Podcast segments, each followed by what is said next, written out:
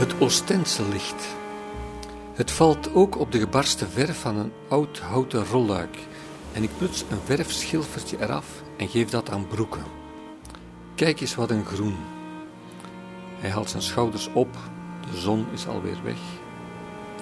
Kleur is waar het licht invalt, zeg ik. Misschien gebeurt er nu iets in deze oude huizen. Kijk, de zon breekt door.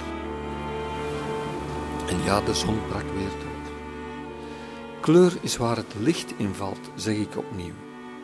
En van een oude affiche in de Amsterdamstraat scheur ik een klein stukje jonge meisjes roze. Was dat niet Ensor, vraag ik hem, was dat niet Ensor die beweerde Là où il y a du gris, je mets du rose? Nee, dat was Picasso, zegt Broeke onbewogen.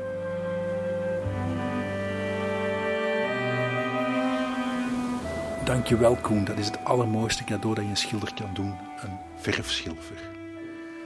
En dat doet mij natuurlijk dan meteen denken aan het palet van Leon Spiljaard, de andere grote Oostense schilder, die we dan toch vooral kennen voor die werken die hij heeft gemaakt aan het begin van de 20e eeuw, die donker en somber zijn, gewassen tekeningen in Oost-Indische inkt. Maar als je die in detail gaat bekijken, zie je dat er naast het zwart en het donkerbruin en de paar lichtvlekken eigenlijk ook heel veel kleur aanwezig is, als een soort van tekening die daarop ligt in pastel en kleurpotlood. En dat is vaak blauw, soms groen, soms geel, soms loopt dat zelfs een beetje uit, ook in de lichtranden. Maar er is heel veel kleur ook aanwezig, in die duisternis.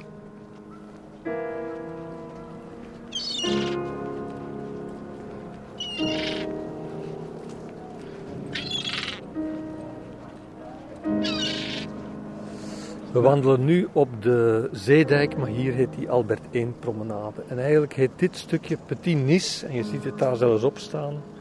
Zoals je een Petit Paris hebt in Oostende, heb je ook een Petit Nice. En dat is juist deze bocht hier. En deze bocht is eigenlijk ook heel bijzonder, zegt Erik de Kuiper. En zie je ook op de werken van Leon Spiljaard. Het Spiljaardgevoel dat kun je hier hebben, zeker in deze bocht, omdat je hier een specifiek perspectief hebt, waarbij Spiljaard tekende alsof je een beetje zweeft daarover. En alles krijgt dan zo'n zekere astrale schijn. Um, op een bepaald moment zijn Koen Broeke, Bernard de Wulf en ik s'nachts na lang in een hotel gewacht te hebben. Het was voorbij middernacht. Toen hebben we ons helemaal opgekleed zoals Spiljaard zich ook opkleedde. Een beetje deftig. Spiljaard was altijd zo met die vadermoorder, zo'n opstaande kool. We hebben ons ook geparfumeerd. Uh, want Spiljaard deed dat ook altijd als hij s'nachts ging wandelen. Hij, hij, kon niet slapen.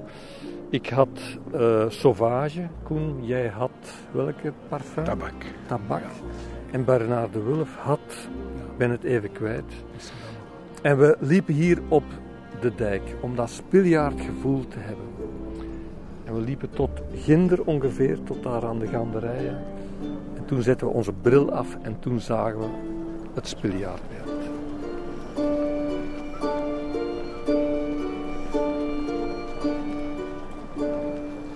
Spiljaard wandelde s'nachts omdat hij was dat van zijn maag. Hij was een maagleider. Hij crepeerde van de maagpijn. Het, grote verschil is ook met, met die allicht niet dezelfde uh, pompeuze begrafenis heeft gekregen als Ensor, omdat hij gewoon minder uh, tot de verbeelding sprak. Ensor was een excentrieke man, was baron.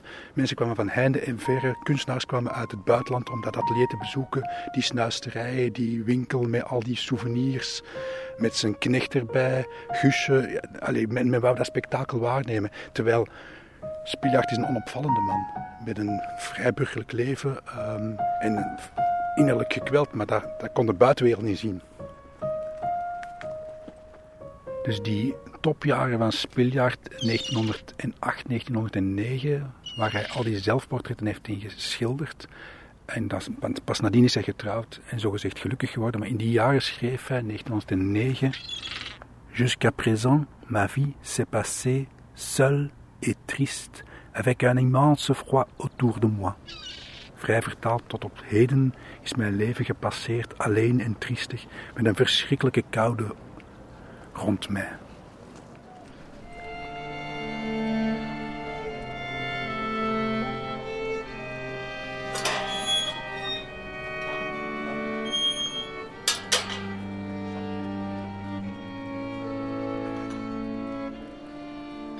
De begraafplaats Stuiverstraat. Kijk, prachtige balsempopulieren daar. Hier ligt de grootmoeder van mijn vrouw. De zerk is gebroken een oom van haar heeft daar in keramiek nog iets opgezet. Ik weet niet of het allemaal zo gelukkig is. Maar hier om de hoek ligt Leon Spiljaard. Wel in Oostende begraven, maar in Brussel gestorven. En er is een groot verschil met Ensor, die ongeveer drie jaar in Brussel heeft gestudeerd. Terwijl Spiljaard heel bewust in Brussel is gaan wonen. Twee keer, eigenlijk is één keer teruggekeerd naar Oostende. Omdat zijn dochter daar muziekstudies volgde aan het conservatorium. En dat was heel erg belangrijk voor hen, die muziekstudies. Maar ze hebben hem toch, toch begraven in Oostende. Dus hij blijft gelinkt met Oostende. Niet alleen in zijn schilderij, maar ook in zijn, laten we zeggen, zijn tombe. Opnieuw allemaal oude zerken, mooi voorzien van emaille plaatjes en een heel sobere zerk. Prachtig opgepoetst, waardoor eigenlijk uh, alle tijd eruit verdwenen is. Kunstschilder Leon Spiliaard 1881, 1946 en zijn vrouw Rachel Vergisson, die lang geleefd heeft, die pas in 79 gestorven is. Spiljaard op het einde was eigenlijk niet meer zo'n interessante schilder, hè Koen?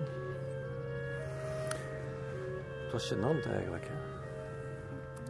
Wat natuurlijk fascinerend is hoe dat hij dan obsessief bomen is gaan schilderen. En ik heb dat natuurlijk vooral onthouden omdat jij schrik hebt met dat ik nu gelukkig ben en in de Ardennen woon of in de Maasvallei en voor een stuk ook in Oostende, dat ik ook zo op een bepaald moment alleen nog maar bomen zou gaan schilderen. Dus ik ben zo heel behoed, behoedzaam als ik eh, denk aan obsessieve schilderstukken of de natuur schilderen. Maar in die zin interesseert me die late periode van, van dan weer wel eigenlijk. Het zonnetje komt erdoor.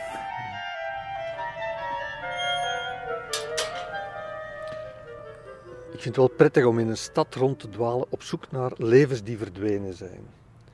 En dat heeft dan te maken met gevels, met uh, iemand die ooit een deur geverfd heeft. Uh, maar net zo goed met begraafplaatsen, omdat dat toch de plek is, de laatste rustplaats waar dan die sporen te vinden zijn. Uh, net zoals verkoopzalen waar dat je ook zo allemaal sporen terugvindt van, van vroegere interieurs. En het lijkt me dan dat die huizen, die zerken, die oude meubels, dat die allemaal zo zeggen van ik ben er, ik ben er geweest of wij waren er. Ja, ik, uh, ik geloof wel in een soort onsterfelijkheid van uh, dingen die niet weggaan. Ik ben heel erg uh, in het nu aan het leven. En voor mij het grootste genot is schilderij maken. Eigenlijk wanneer het schilderij voltooid is, um, word ik eigenlijk een beetje depressief. Zo van, dan, dan is het af en is eigenlijk ook het plezier weg. En dan gaat dat een eigen leven leiden waar ik zelf ook, laten we zeggen, niet meer zoveel vat op heb. Hè, want dat wordt dan misschien verkocht of dat komt in een collectie. En postuum interesseert me dat helemaal niet wat ermee gaat gebeuren. Zeker ook als je ziet hoe alles maatschappelijk aan het veranderen is. Ook, ook de rol van musea, waar vroeger traditioneel kunst werd verzameld. Dat komt allemaal zo op de helling te staan. We weten niet wat er binnen 50 jaar, laat staan binnen 100 jaar, met onze kunst zal gebeuren. Dus ik probeer dat heel erg in het nu te betrekken. Ik denk ook niet dat ik mij zal laten begraven. Ik denk dat ik mij zal laten verassen.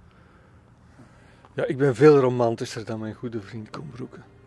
Eh, boeken, je kunt die verbranden, maar er blijft altijd wel een exemplaar van. En als, die, als dat goed geconstrueerd is, dan overstijgt je dat. Een, boek kan niet verdwijnen.